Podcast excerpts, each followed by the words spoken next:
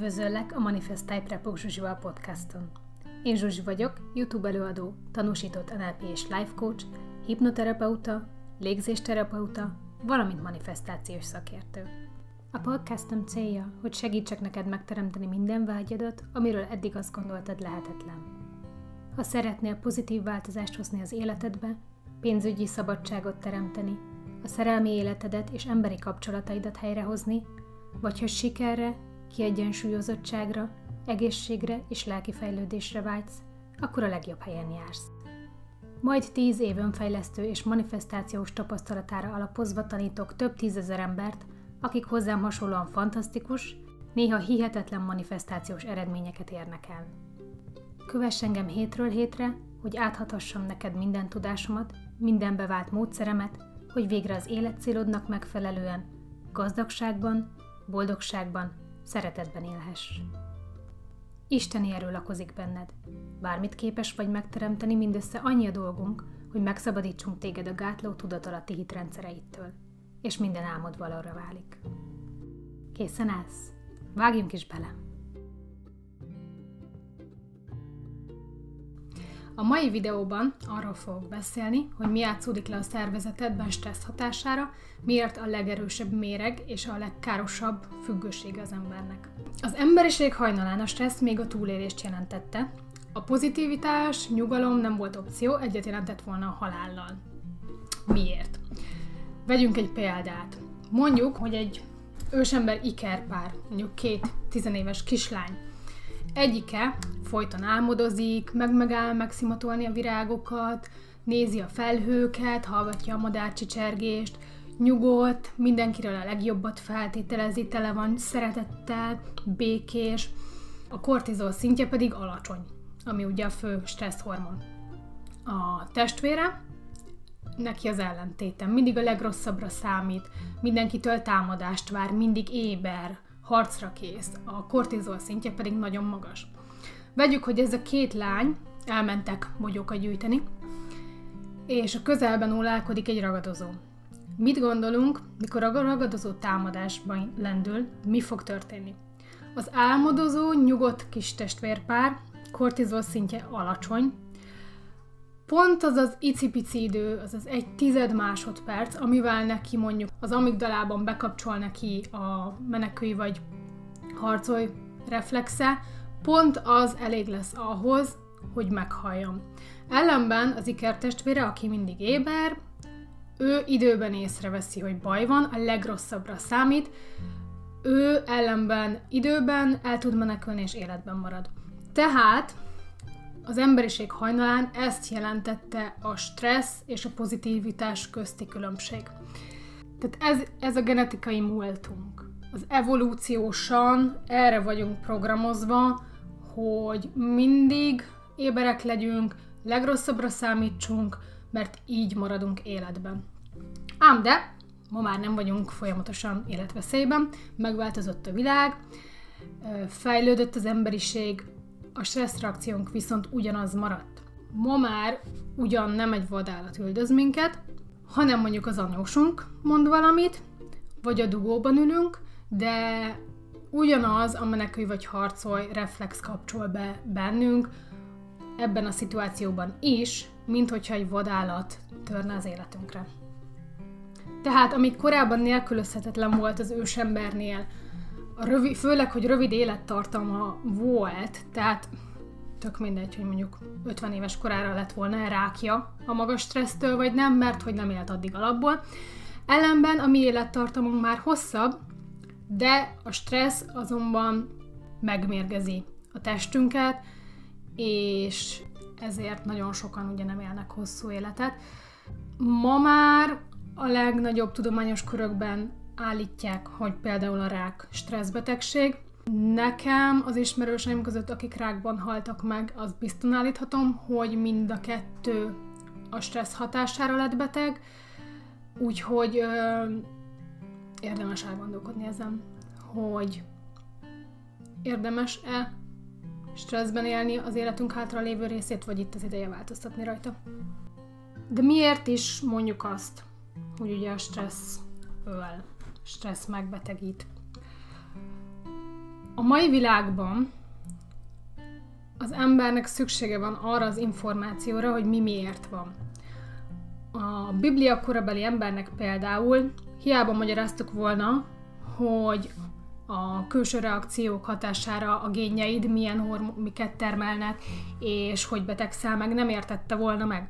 Abban a korban ugye a bibliai történetekkel, meg alapvetően történetekkel, szentekkel, bibliai csodákkal tudták az emberek elmagyarázni ugyanazokat a dolgokat, amiket mondjuk mi ma már a tudomány szemszögéből nézünk.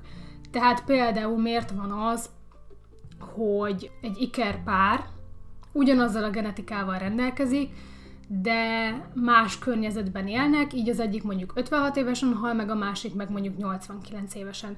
Azért, mert nem a genetikánk határozza meg az egészségünket, hogy betegek vagyunk-e, hanem a környezetünk, a környezeti stressz. Azt meg hozzátenném, hogy ha tudod az okát, tehát azért is beszélek erről, azért beszélnek nagyon sokan most már arról, mert ha érted a miértjét, hogy mi van mögötte, akkor sokkal könnyebben hozol meg egy döntést, hogy oké, okay, ennyi volt, változtatni akarok.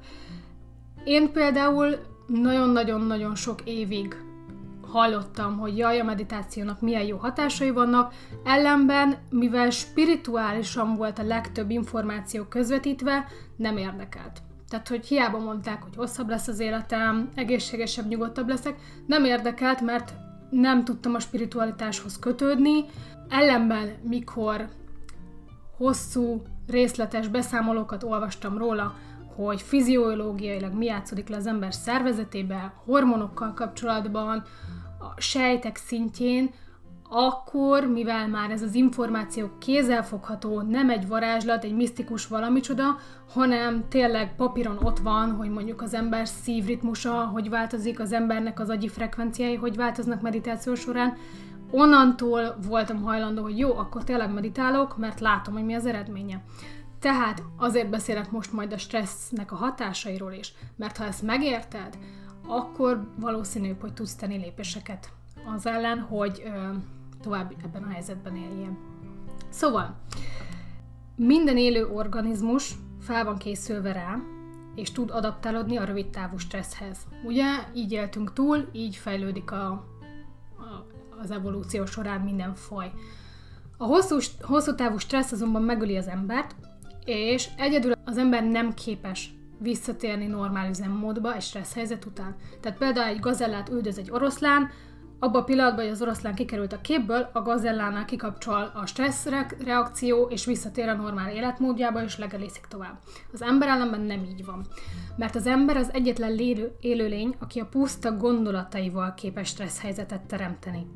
Az ember képes bekapcsolni a menekülj vagy harcolj reflexet a gondolataival, majd utána hála az óriási képzelőerőnknek, beindul az agyban a képek sorozata, ami érzelmeket vált ki, a belső hang elkezdi mondani a magáét, és azon kapod magad, hogy egy meg nem történt eseményen kattogsz, próbálsz felkészülni a legrosszabbra, mert evolúciósan arra vagy programozva, hogy túlélj, és tessék, a kortizol szinted az egekben van, a pulzusod dettó, a tested túlélő üzemmódban van, anélkül, hogy konkrét támadás ért volna.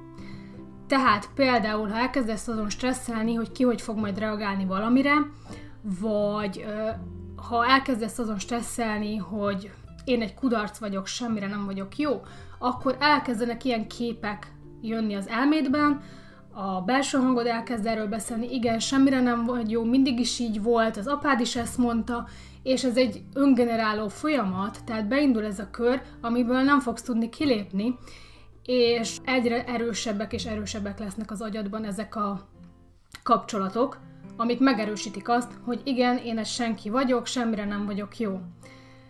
Na már most, az emberek túlnyomó többsége ebben az állapotban éli le az életét, a mindennapjait. Amikor reggel felkelsz, és eszedbe jutnak a problémáid, már túlélő üzemmódban áll a szervezeted.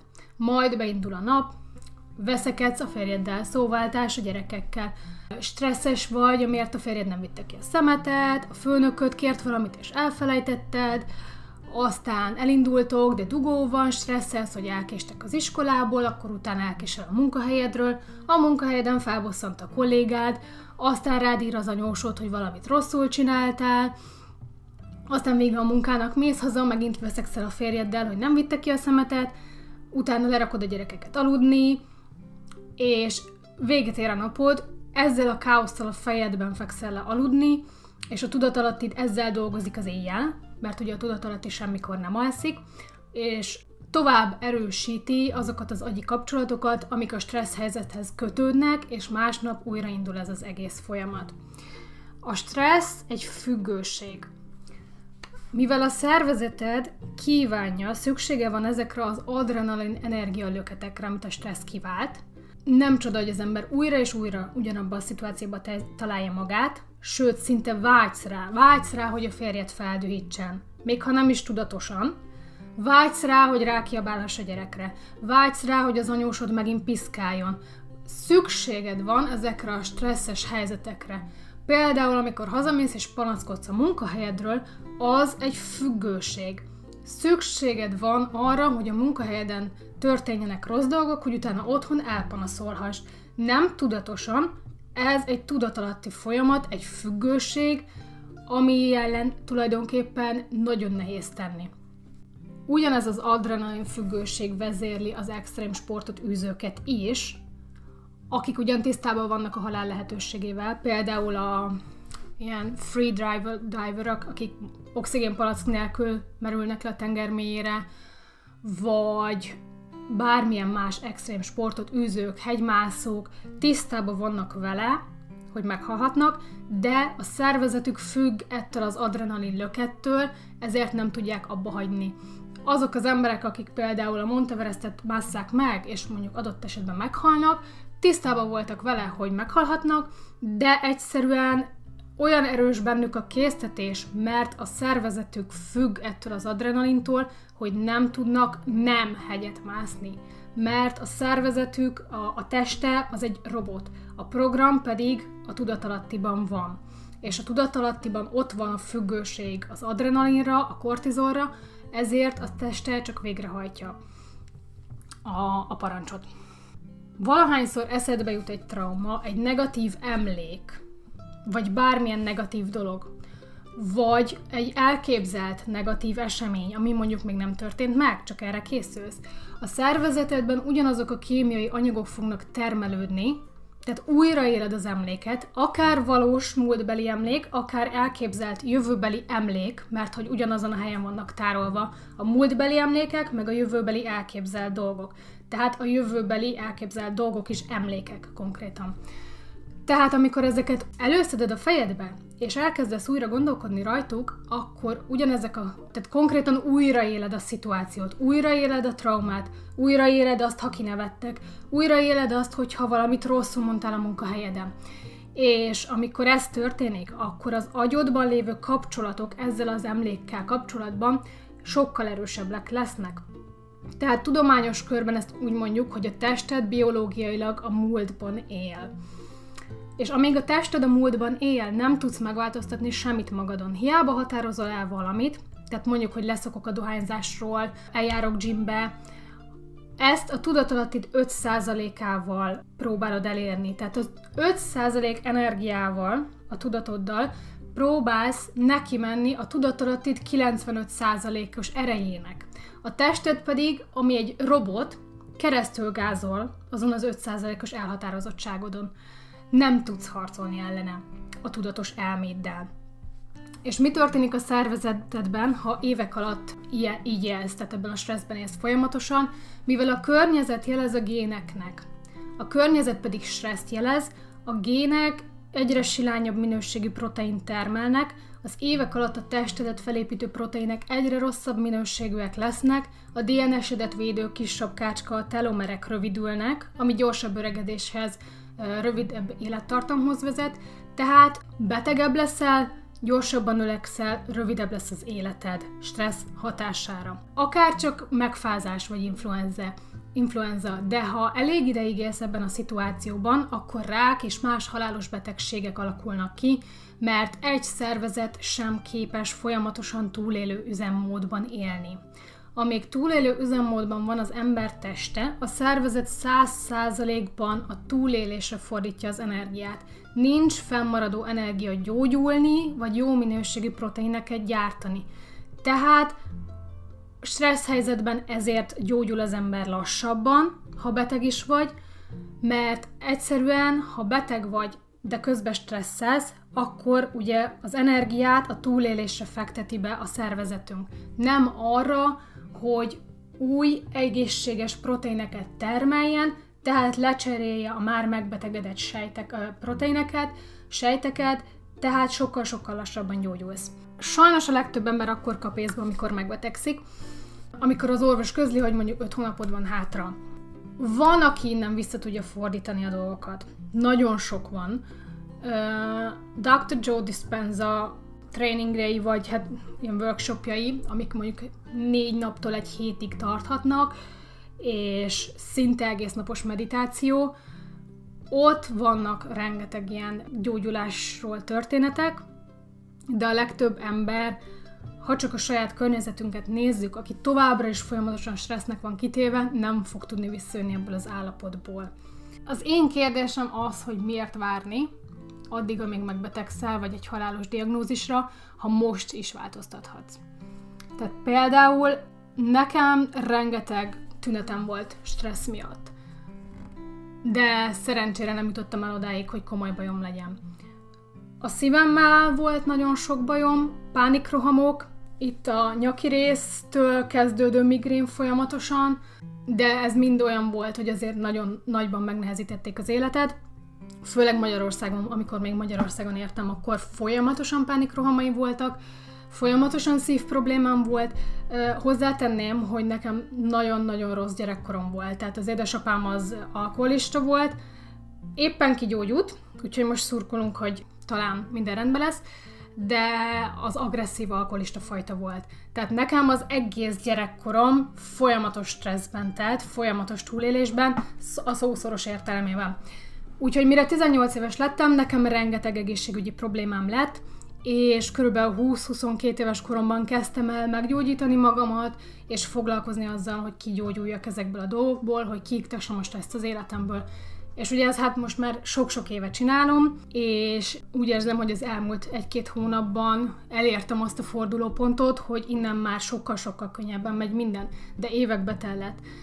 Úgyhogy ö, azt kérem tőletek, hogy ne várjatok arra, hogy komoly egészségügyi problémátok legyen a stressz miatt, viszont ö, készüljetek rá, hogy, ö, hogy nem könnyű tehát elhatározás és eltökeltség kell hozzá. A környezetedet nem tudod megváltoztatni, amíg nem változik meg a mentalitásod és az energiát. Tehát széllel szemben kell megtanulnod felszállni. Az árral szembe kell haladnod először, hetekig. Hiába meditálsz, a környezeted nem fog változni, hiába vagy pozitív, a gyerek ugyanúgy hisztizni fog, a férjed ugyanúgy nem csinálja meg a dolgokat. Hetek kellenek hozzá, hogy amíg a te mentalitásodban változás történik, látszódjon majd a külvilágban is. Sajnos az emberiség abban a hitben él, és a fogyasztói társadalom külön erősíti ezt, hogy ahhoz, hogy jól érez magad, ahhoz, hogy boldog legyél, ahhoz kell egy külső valami meg kell kapnod valamit, hogy hálás legyél. Először meg kell gyógyulnod, hogy egészségesnek érezd magad. Kell pénz először, és csak utána érzed magad gazdagnak. De ugye minden, minden márka erre épít. Ha csak megnézed a tévéreklámokat, vagy az interneten a reklámokat, mind arra épít, hogy vedd meg ezt a terméket, és ettől majd jól érzed magad. De ez összetéveszti a boldogságot, a egységérzését, békeérzését, a szeretet érzését, ami kielégít azzal. Tehát a, mint például ugye a szexuális vágyunkat kielégítjük, az éjségünket kielégítjük, a vásárlás körülbelül ugyanott van, hogy szükségét érezzük, függőek vagyunk attól, hogy ez ki legyen elégítve ez az igényünk, és úgy gondoljuk, és erre építenek ugye a márkák, hogy ha ezt megkaptad, akkor jól érzed magad. De nem így van nem kell rá semmi ok neked ahhoz, hogy itt és most boldognak érezd magad, itt és most egészségesnek vagy gazdagnak érezd magad. És mint tudjuk kvantumfizikából, vagy ha spirituálisan nézzük, vagy a vonzás törvénye szempontjából, először kell érezned azt, amit be akarsz vonzani. Tehát amíg belül nem változol, amíg az energiád nem változik, addig kívül sem fog változni semmi. Eddig ez inkább spirituális oldalról volt mondva nekünk az elmúlt több ezer évben. Most kezdi el a tudomány bebizonyítani, hogy igen, ez már pedig így működik. Tehát amint megváltoztatod a fiziológiádat, a belső a mentál, mentalitásodat, az energiádat, akkor jön kívül a változás. Hogy miért és mi a módja annak, hogy kikerülj ebből a mérgező mókuskerékből, ezt a következő videóban fogom elmondani. Úgyhogy addig is vigyázzatok magatokra. Sziasztok! Ha pedig még többet szeretnél megtudni manifestáció és önfejlesztés témában, látogass meg a honlapomat a www.manifestai.hu címen, és közösen megteremtjük mindazt, amit eddig lehetetlennek gondoltál. www.manifestai.hu